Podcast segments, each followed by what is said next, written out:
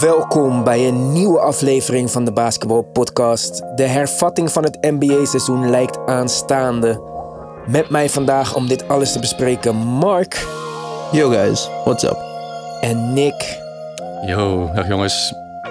Ja, jongens, eh, eind juli is het dan zover. Naar alle waarschijnlijkheid zal het NBA-seizoen dan hervat worden in Disney World, Florida. Of preciezer gezegd, eigenlijk in het ESPN Worldwide of Sports Complex in het Disney World Resort. Daar heb je het eh, HP Fieldhouse. Daar zijn al zes basketbalvelden aanwezig en dat lijkt dan ook een soort van de hoofdarena te worden. Afhankelijk van hoeveel teams er uiteindelijk mee zullen doen, kunnen de trainingen plaatsvinden in het Visa Athletic Center. Maar de NBA zou ook weer faciliteiten kunnen bouwen in de hotels waar de spelers verblijven. En de spelers hoeven ook niet zomaar in een middelmatig hotelletje te verblijven. Want het Disney-complex heeft maar liefst 25 gigantisch luxe Las Vegas-stijl hotels. Dus aan ruimte en comfort geen gebrek.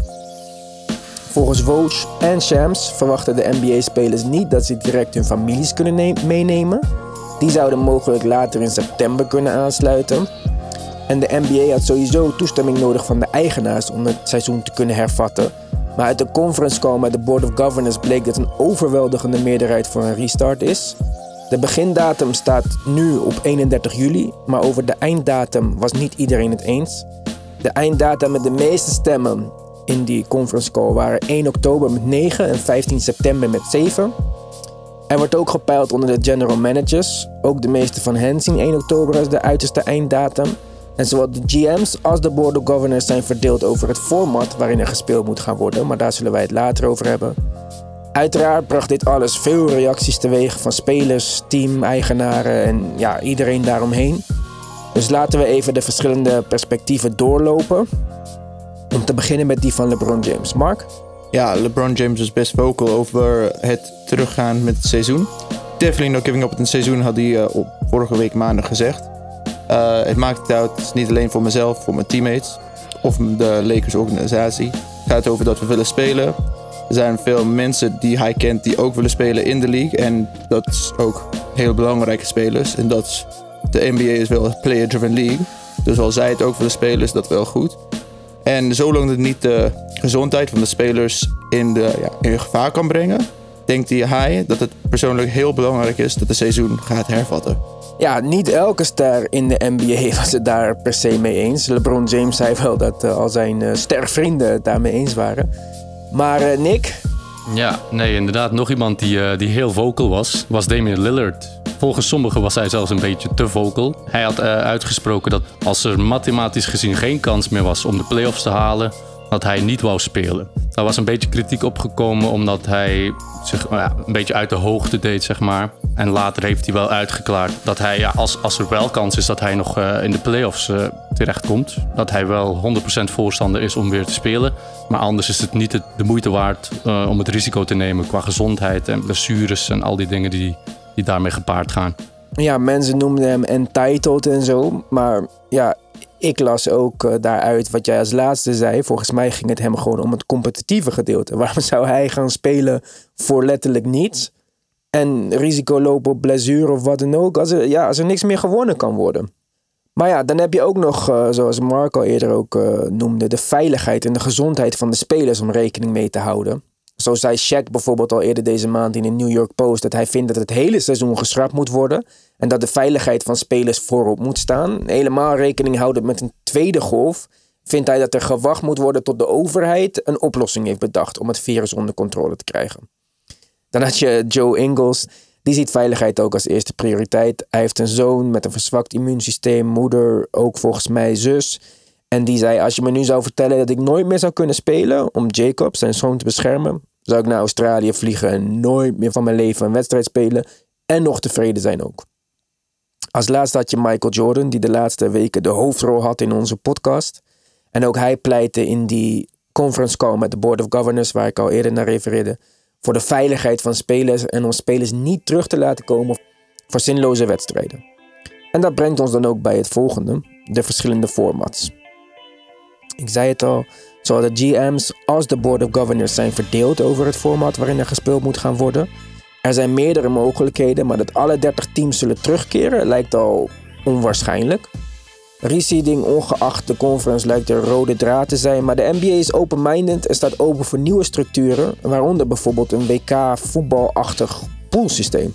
Ja, dus voor heel veel jaren heeft voetbal bijvoorbeeld de Champions League, World Cup, de Euros, een paar van de grootste toernooien in Europa en in het sportwereld eigenlijk. Zij gebruiken een soort van uh, poolplay systeem waar je gaat, je hebt uh, kwalificatie, dus bijvoorbeeld dat zou reguliere, reguliere seizoen zijn. En dan heb je een toernooi waar je begint met groepen, met tiers. Dus bijvoorbeeld, je zou de eerst beste 20 teams van de, van de NBA nemen. Dus dat maakt uit welke conference. En dat zou een uh, huidige 16 playoff team zijn. En dan inclusief New Orleans, Sacramento, San Antonio en Portland. Alle teams zou afhankelijk van hun record in tiers worden geplaatst. En uiteindelijk zou je alleen de top 2 van elke groep meenemen met normale huidige 7 game serie. Oké, dus dat is dan het poolsysteem. Dan had je nog play-ins. Ja. Nick, vertel maar meer over dat concept. Ja, het is eigenlijk heel simpel. Dus de play-ins geeft iedereen die, die nog de kans had om de play-offs te halen, die geeft die ook nog effectief die kans. Dus dat wil zeggen dat bijvoorbeeld um, teams 6 tot uh, 10, dat zij nog een soort toernooi spelen. Of hoe ze het zouden doen, dat hebben ze nog niet helemaal bepaald. Maar dat, dat zelfs degene die nu tiende staat, dat die ook nog kans heeft om 8 seed te worden, zeg maar. Of zelfs 6 seed. Ja, je gebruikte eerder al dat mooie woord mathematisch. Dus de teams die mathematisch gezien met de resterende wedstrijden van het normale reguliere seizoen nog in de playoffs zouden kunnen komen, zouden deel mogen nemen aan dit play-in toernooi. Wat is het? Ja, dat, dat, daar kunnen ze nog alle kanten mee uit. Maar um, ja, een best of three zou, zou misschien wel uh, een goede optie zijn. Ja, want uh, dit alles is ook rekening gehouden met de contracten die de NBA heeft gesloten met de lokale tv-zenders. Die toch 72 wedstrijden verwachten. Om aan die verplichtingen te voldoen, moet de NBA toch iets van een soort van wedstrijdenpakket aanbieden. Daarom lijkt het rechtstreeks beginnen met de playoffs ook niet heel waarschijnlijk. Maar 53% van de GM's stemde daar wel voor. Hm. En ook daarin bestaan weer verschillende opties. Dat kun je doen met de traditionele verdeling van conferences, waarbij je zoals altijd de top 8 van beide conferences het afzonderlijk laat uitvechten tot de finale. Je kunt er ook voor kiezen voor een, om een reseed te doen, ongeacht de conferences, waar de, bij de beste 16 teams op basis van hun record overal de playoffs halen. En dat zou in dit geval niets veranderen, want de deelnemende teams blijven hetzelfde. De matchups zouden dan bijvoorbeeld wel de Bucks tegen de Magic blijven. Maar je zou dan ook de Lakers tegen de Nets kunnen krijgen. Goed, het zou dan ook een afweging worden tussen veiligheid en geen onnuttige wedstrijden spelen. Maar voldoen aan de verplichtingen blijft echt wel een, uh, een grote factor. En er zou toch ook een soort van iets van wedstrijdritme opgebouwd moeten worden. Daarom lijkt het erop dat we toch iets van een play-in, een pool of iets dergelijks krijgen voorafgaande aan de, aan de playoffs. Ja, dat brengt ons eigenlijk bij de, bij de volgende categorie. De winnaars en losers van de hervatting. Verschillende teams met verschillende ja, motivaties om verder te gaan. We hadden het al eerder over Joe Ingles, die dus veiligheid en gezondheid als een prioriteit ziet. Waarbij bij de Jazz ook nog Bogdanovic geblesseerd is voor de rest van het seizoen. Dus zij zullen er misschien niet gebrand op zijn om weer te beginnen. Nee. Wie mij de grootste winnaar lijkt van een herstart is LeBron James.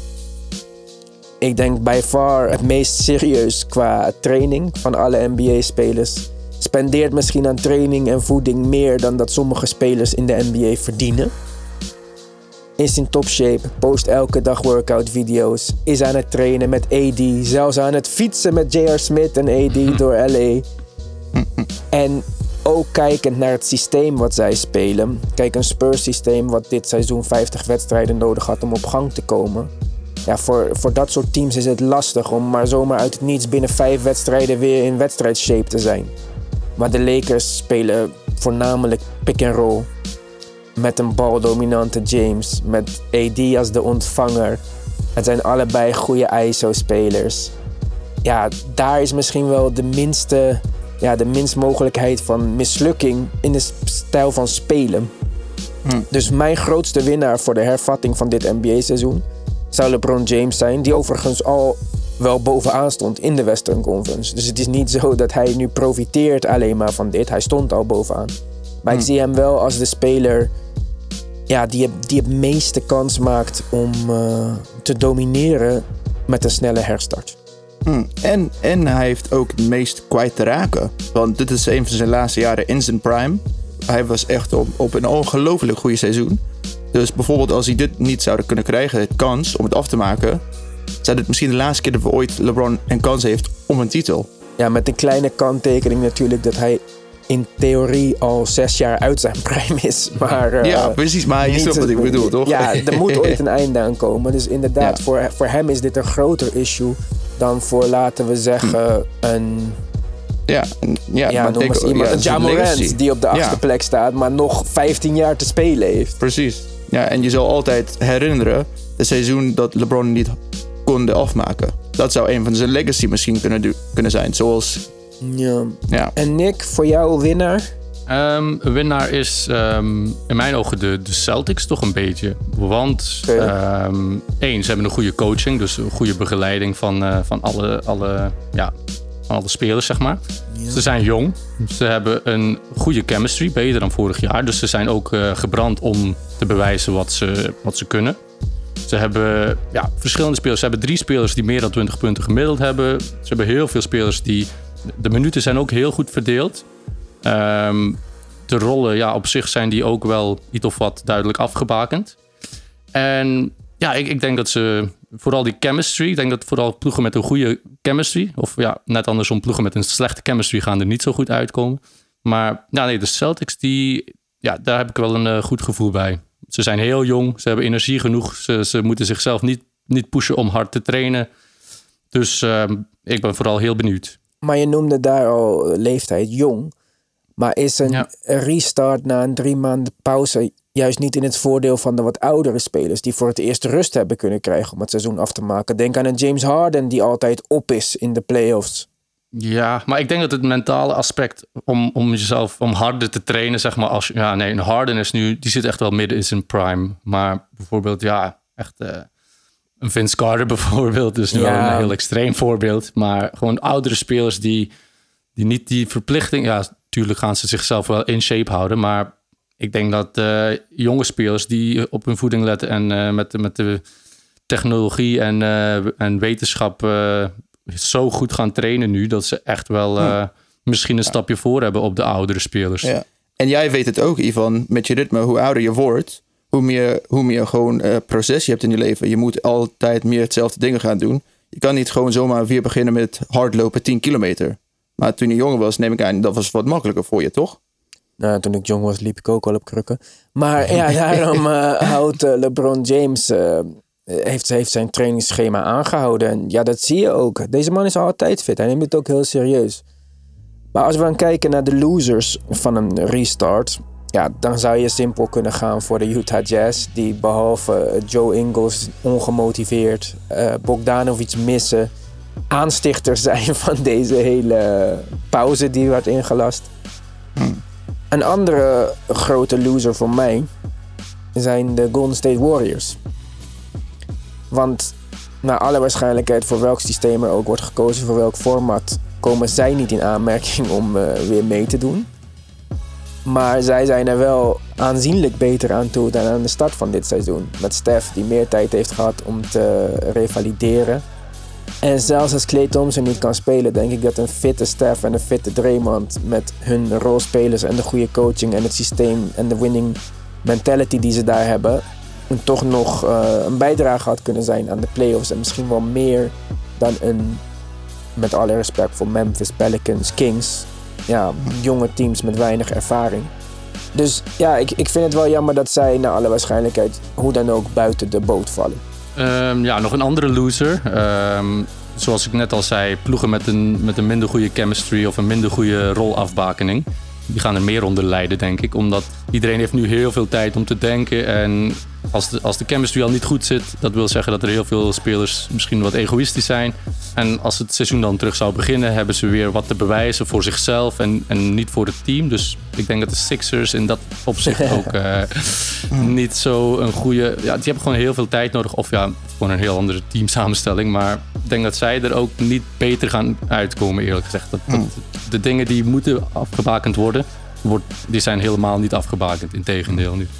Aan de andere kant, wat je zei, eh, zij waren ook na 80 wedstrijden niet, eh, Ja. niet goed geweest. Maar qua individueel talent staan ze nog steeds in de play-offs. Dus misschien waar andere teams meer afhankelijk zijn van een goed werkend systeem, kunnen zij met hun individuele talent een snellere start maken en zodoende Hmm. een voorsprong opbouwen. Mark, wie is een loser voor jou? Eerlijk gezegd, Milwaukee, de Milwaukee Bucks zijn een van de grootste losers hier.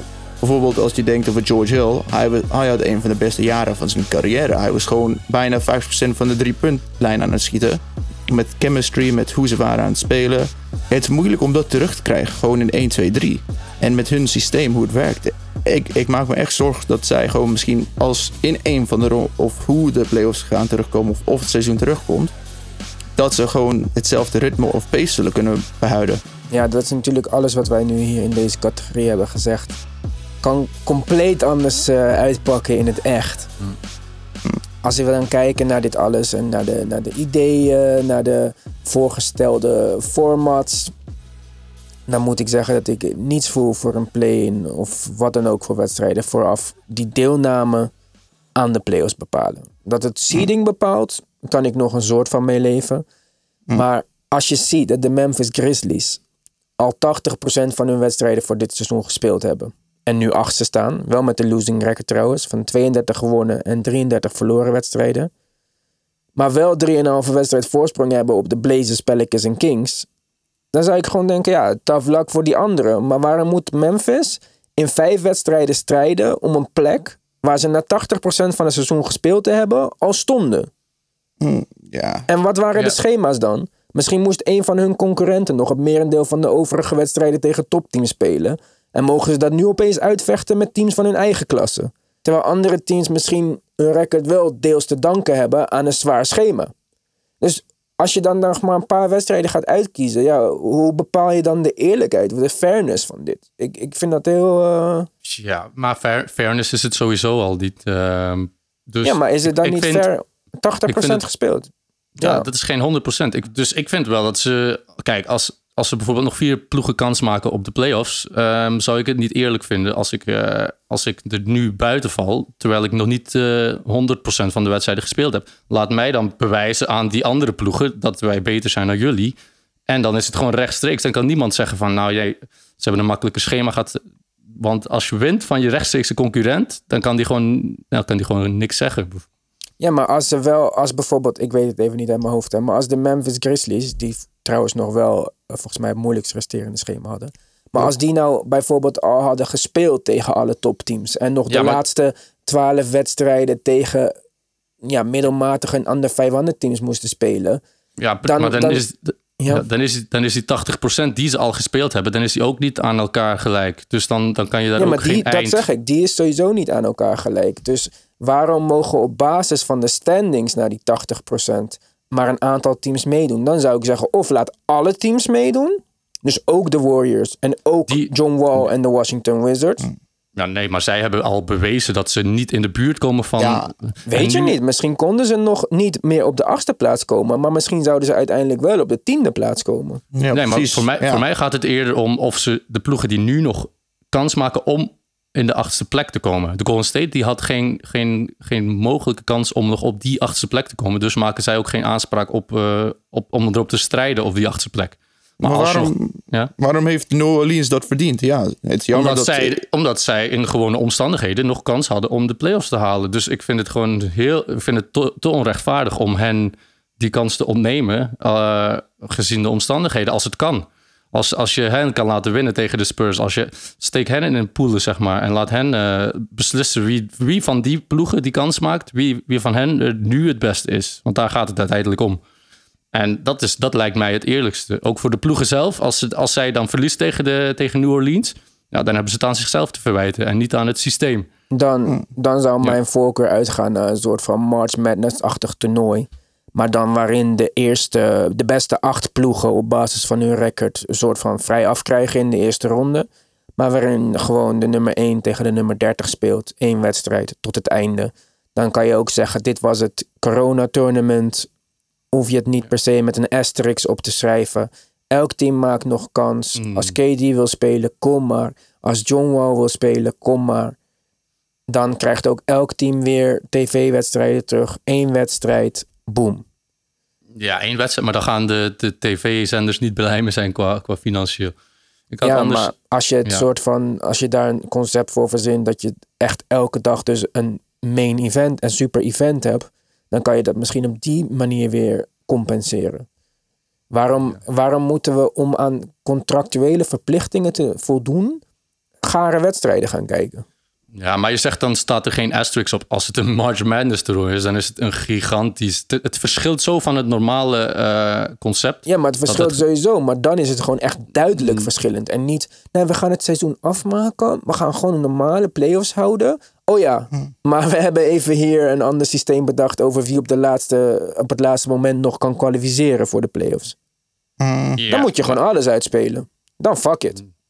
Ja, ja ik, mijn, mijn voorstel zou zijn, dus alle ploegen die nog kans hebben, zet je in een poelen. De beste daarvan bewijst van, dat je kans maakt, dat je de play-offs verdient. En ik zou eerlijk gezegd, er gaat sowieso een sterretje staan naast het kampioenschap. Maar ehm, ik zou sowieso het play-off format zo weinig mogelijk of zelfs niet laten, ehm, laten verschillen van het normale. Want anders kan elk ander team altijd zeggen van nee, maar dat jaar was het helemaal anders. Als je gewoon de best of seven aanhoudt, ehm, dan, dan is het gewoon ja, precies hetzelfde. Alleen is er drie maanden rust geweest. Zonder Maar- en reseed. dan- Maar dat, Zo- dat is niet zonder positief. Je, je moet niet op hetzelfde plek blijven de rest van je leven. Oh, nee, nee, dat het maar- heeft gewerkt in, de, Nee, in, de, in het verleden. Moet Nee, je dat niet gewoon sowieso niet. doorgaan doen. Dus Dat misschien is het, je ziet gewoon de playoff ratings van de laatste 10, 12 jaar zijn gewoon on een consistent lijn die kant op gaan. Gewoon naar beneden, aan het dalen. Ja, maar En niet bijvoorbeeld voor de Western Conference Finals met de Warriors en de Rockets. Omdat het dat daar ergens om gaat. Maar niemand zit toch te wachten op Bucks tegen Orlando Magic. Ja, en daarom heb ik echt de voorkeur voor die, voor die poolplay. Want dan krijg je heel veel verschillende dingen. Elke dag verschillende teams dat je normaal gesproken niet in echt gewoon een competitieve situatie zou zien. En je krijgt nieuwe rivalries. Iedereen, je krijgt 80 extra wedstrijden. Dus je compenseert voor de gemiste regulair seizoen- seizoenenwedstrijden en de eerste ronde. Die je nooit... Ik, eerlijk gezegd, de eerste ronde van de playoffs boeit mij totaal niet. Bijna, af en toe. Sommige van die wedstrijden. Dus een playoff, ik kijk bijna elke wedstrijd van de WK of de Champions League. Religieus. Omdat je zoveel verschillende dingen krijgt. Ik heb, ik heb, we hebben de laatste paar jaar gewoon ja, Russell Westbrook tegen James Harden gezien. En we wisten wat zou er gebeuren elke wedstrijd. Dus het is, het is tijd om iets anders te doen. Gewoon de ratings te kunnen aanpassen dat we iets anders zullen krijgen. En misschien meer mensen, meer mensen kunnen bijvoegen aan de league. Ja, want het lijkt er ook op dat die eh, reseed hoe dan ook doorgaat. Ongeacht Ja? de conferences. Ja, dat is wel echt de, degene waar de meeste teams in deze situatie mee eens zijn. Maar stel je voor hè, dat je dus dan de Lakers krijgt tegen de Nets. En KD en Kyrie zijn geblesseerd. Wat, wat hou je nou? Ja, ik vind dit allemaal, dit vind ik kansloos. Dus dan krijgen de Lakers nog een extra beloning tegen een blaadteam te spelen uit de Eastern Conference. Ja, ik vind dat niet terecht. man. Nee, maar kijk, ik zou, ik zou echt zeggen... als je wil experimenteren met die 1 to 8, eh, 1 to 16 seeding... dus geen conferences meer... waarom zou... Ja, ik zou, dat, ik zou er een jaartje mee wachten. Ik zou dat volgend jaar pas doen. Ik ook, want zo- dan weet je vanaf het begin van het seizoen waar je voor precies. speelt. En, Ja. ja, en nogmaals, ik vind dit zo'n unieke situatie. En het is allemaal zoveel gewijzigd. En de omstandigheden kan je niet zomaar bevriezen en dan laten verder gaan. Of op onder andere voorwaarden laten mee verder gaan. Daarom zeg ik van, doe gewoon iets nieuws. Doe gewoon een toernooi. Laat iedereen meedoen. Beloon wel die topteams, maar dan hoeft niet top 16. Want eh, Magic eh, losing record, Memphis losing record. Eh, dat dat eh, boeit me niet zoveel. Net zo ook losing record. Maar doe- neem dan alle teams, geef de eerste acht gewoon vrij. Net als dat Federer en Djokovic buys krijgen bij grote tennistoernooien. Je moet wel ergens voor beloond worden dat je goed was. Maar dit is al, er zit net zoveel tijd tussen, tussen de beëindiging van het seizoen en de, straks de herstart. Als dat normaal tussen seizoenen zit. En je weet zelf hoeveel er kan veranderen in seizoenen. Ja, Dus ik, vind dat, ik vind het niet meer afmaken van een seizoen. ik, ja, ik, ik vind wel, het zijn, pro, het zijn pro's. Ze blijven wel trainen. Wij zitten er heel anders in. Ik denk dat zij wel een andere mindset hebben gehad en blijven trainen zijn. Giannis heeft zelf gezegd dat hij niet heeft, getraind. ring, hij heeft geen ring, niks. Nee, maar nu ondertussen hebben ze wel weer... eh, ja, Steph Curry had ook geen basketbalterrein thuis, waar ik ook wel van verschoten was. Maar hij heeft het ook allemaal wel geïnstalleerd. En zo. Allemaal voor niets, want hij mag niet meer spelen. Nee, dat wel. Nee, maar voor, kijk, wat vinden jullie hiervan? De, alle teams die de playoffs niet halen, die spelen om de ratings van de slechte teams toch nog een beetje te bevorderen. De, de Corona Cup. En dan hebben ze toch nog iets om te winnen, zeg maar. Dat is dan wel een March Madness-achtig eh, toernooi. En dan hebben ze nog iets om te spelen. De winnaar krijgt bijvoorbeeld ja, de, de eerste Lottery draftpick of zo. of zo, ja. ja. Dus dan spelen ze ergens voor. En dat is goed voor de ratings. En wij hebben in de eerste ronde van de playoffs, als het slechte wedstrijden zijn, kunnen wij nog naar iets anders kijken. Ook als het tegenvalt. Ja, dat is een beetje dat eh, idee wat Bill Russell ooit heeft verteld met de Russell Cup. Of Bill Russell, wat zeg ik? Wat Bill Simmons Simmons. ooit heeft verteld met de Bill Russell Cup en de Chamberlain Cup. En dat zou ik inderdaad ook niet een super slecht idee vinden. Ja, sorry Spurs, sorry Pelicans. Ik weet dat jullie nog kans hadden, maar helaas, we gaan gewoon verder met de, met de Russell Cup in Disney World Resort. Daarvan strijden de top 10 zoals die ervoor stonden toen het seizoen stopte om de, winnen, om de, om de cup. En de Pelicans en de Spurs en de Kings, die zijn dan eh, hoofdcontenders voor de Chamberlain Cup die we in Vegas spelen. En dat is dan ook, dat, wat heb je nou eigenlijk liever? Wil je als Spurs zijnde liever gewoon in dat rare jaar de Chamberlain Cup hebben gewonnen? Of wil je in dat rare jaar als 8 seed in de eerste ronde tegen de Lakers uitgeschakeld worden in vier Ja, wedstrijden? en, en eerlijk gezegd, ik denk wie kampioen wordt of wat, dat is, je, je zal nooit vergeten worden. Dat zal het team dat iedereen voor de rest van de geschiedenis zal herkennen. Ja, Het en is- ik kan Het me is wel... niet de asterisks. Jij bent gewoon een van de bekende teams ooit dan, hè? Ja, jij ik- hebt het gewonnen in die seizoen. Dus waarom Ja. zou, je het niet, zou je het niet willen winnen? En maar als, denk, LeBron, als LeBron deze titel wint, gaat hij dan als volwaardige titel meetellen in zijn legacy? Als hij er Ja, dan nu zeker. zes... nee. Mm, Maar denk- wel als een soort kan- van alternatieve accolade, zeg maar. Ja, oké, maar ja, de Kobe zijn eh, award, eh, zijn eh, Golden Globe telt ook niet mee als championship. Dit gaat ook. maar dit- noem je wel telt gewoon op in het mee. rijtje van zijn leven. Precies, ja, maar als het kan in hetzelfde playoff format en ze winnen, dan kan je er weinig tegen inbrengen dat het zoveel anders was. Want het was voor Ja. iedereen gelijk. Maar een LeBron-hater zou altijd zeggen dan dat het Ja, een ja. asterisk is. En iemand die pro-LeBron is, zou juist zeggen... Kijk, zelfs in deze omstandigheden was hij de beste en de oudste. Kijk eens hoe knap. Ik denk ten alle tijden dat iemand die uit een poolsysteem eh, is gekomen in de Champions League... Ik weet niet wie er in 1995 eh, uit de poolfase is gekomen. Maar ik weet wel wie die UEFA Cup heeft gewonnen. Ja. Dus dan beter Dat die blijft. twee cups en nog ergens voor spelen. En laat dan ook maar gewoon kijken of John Wall weer wil spelen of kan spelen.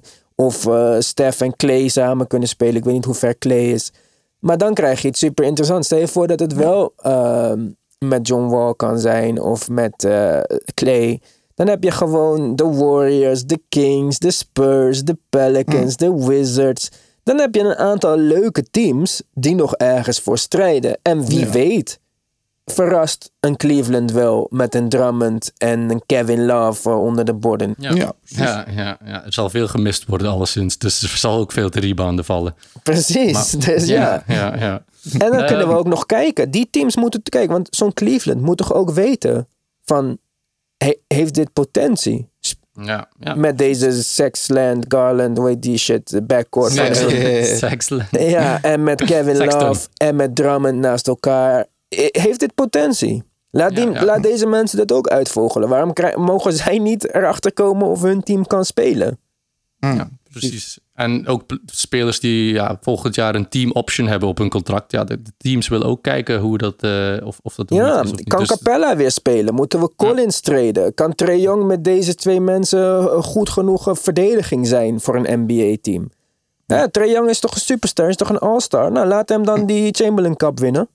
Ja, ja, ik ben er helemaal voorstander van. Alleen ja, met de kanttekening dat, dat wie de playoffs nog zou kunnen halen. Dat daar het recht op moet hebben om het te, te bewijzen. Maar ja, en ik denk ook dat de NBA dat wel uitgesproken heeft. Dat ze neigen naar een eh, play-in systeem. toch? Ja, maar Om- waarom neigen ze daarnaar? Is dat Om voor de, fairness? Ja, nee, dat is voor de contracten. En dat vind ik het punt waar het niet... eh, Als je echt kijkt naar pure veiligheid, zou je zeggen, skip dit. Dan Ja, bereid maar het voor op het nieuwe seizoen. En geef maar dan de, de teams die dit seizoen bovenaan stonden... vijf extra gewone wedstrijden in de wincolumn. Mm. Ja, ja ik, ik, zou dat, ik zou er niet meer kunnen leven, zal ik zo zeggen. Ik zou het onrechtvaardig vinden om, eh, om niet... eh, ja, die 20% wedstrijden zijn gewoon, maken deel uit van het seizoen. Dus als ze dat opnemen, dan. eh, ik, ik- ja, nee, ik zou. Er is zou- een seizoen meer. We zijn in nieuwe tijden. Dit is een post-apocalyptische corona-era. Ja, ja. Maar zelfs in de Spanish flu is, sport teruggekomen en ze hebben gewoon de seizoenen afgemaakt. En dat is gewoon, je moet, sport moet blijven, blijven gaan. Het is belangrijk voor iedereen. Het is, ja, Niet voor sport, mij hoor. ja, niet, niet voor iedereen, maar wel voor sommige mensen. hè. ja. Sport is gewoon, blijft heel belangrijk. Het pushes, the, pushes, it pushes the population, pushes the country. Ik keeps everyone ook- happy. Ja. Ja. En wat- ik me ook afvraag, want het seizoen gaat sowieso, wat zei je, tot 15 oktober of 1 oktober duren? Ja, dat, er zijn verschillende, Ja. eh, verschillende Ja. data. Labor Day, 15 oktober, 1 oktober, 15 september, 1 november. 1 november ziet niemand wat in. 1 oktober lijkt de data, datum waarvan de meeste GM's en eh, eigenaren zeggen van dit is de uiterste datum. ja, ja, dat Want hè, het nieuwe seizoen wel. zou dan misschien al in eh, december beginnen. Hm. En, wat gaan we daar dan weer mee doen? Gaan we dat dan ook weer doorspelen tot augustus volgend jaar? Of gaan we daar iets korters van maken? Want Dat dan lopen we het nieuwe de- seizoen weer geld mis. Ja, maar als ze nu, nu hebben ze de, de optie om te kijken hoe kunnen we meer geld per wedstrijd genereren. En, en ze hebben sowieso een mindere tijdspanne volgend seizoen. Dus als ze nu zeggen van kijk, we willen testen of het lukt met die 1 tot 16 seeding. En dan, ja, dan is het ook maar eerlijk als elke ploeg twee keer tegen elkaar zou spelen. En dan zijn er hoeveel wedstrijden? Eh, 58? Dan hebben ze 58 wedstrijden, minder wedstrijden. Elke wedstrijd is van hoger belang. En dan kunnen ze ook een keertje testen, die 1 tot 16 seeding. En dan zou het ook echt testen zijn, want dan heb je die reisafstanden wel. Dus dat zou. En het is sowieso een, een ander seizoen. Dit seizoen is een vreemd seizoen. Volgend seizoen gaat ook nog raar zijn. Als Dus er ook niks extra's komt weer qua coronabesmettingen dat- en zo. Dat is eigenlijk toch de grootste what-if. Want we, we zitten hier van alles te voorspellen en te, te, na- te bedenken. Maar voor hetzelfde geld eh, is het gewoon allemaal eh, nergens voor nodig. Ja. Goed jongens, een hoop opties. ja. Het zal, het zal eh, heel snel bekend worden allemaal. Het meeste is al uitgelekt. Maar dat er weer gespeeld moet worden lijkt zeker. Hoe er dan gespeeld gaat worden, zullen we waarschijnlijk in de loop van volgende week achterkomen. Want het zal ook ooit aan de teams moeten worden verteld, zodat die zich kunnen voorbereiden. En weten of ze überhaupt moeten spelen. Moeten eh, spelers weer uit hun eigen landen terugkomen, bijvoorbeeld? Is Jokic überhaupt eh, van zijn paard af te krijgen? Wij zijn er naar alle waarschijnlijkheid woensdag weer. Onze schema's eh, lopen niet zo moeilijk als die van de NBA. Laat ons weten wat jij vindt. Eh, hoe moet de NBA verder gaan? Moeten ze verder gaan? Dat kun je op onze Insta doen en dat is At the Basketball Podcast. of op onze Facebook.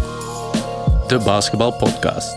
Ook 5 sterren ratings op Apple Podcast en een review wordt nog steeds echt, echt, echt, echt, echt gewaardeerd. Voor nu zeg ik dankjewel voor het luisteren en tot de volgende keer. Later. Yo.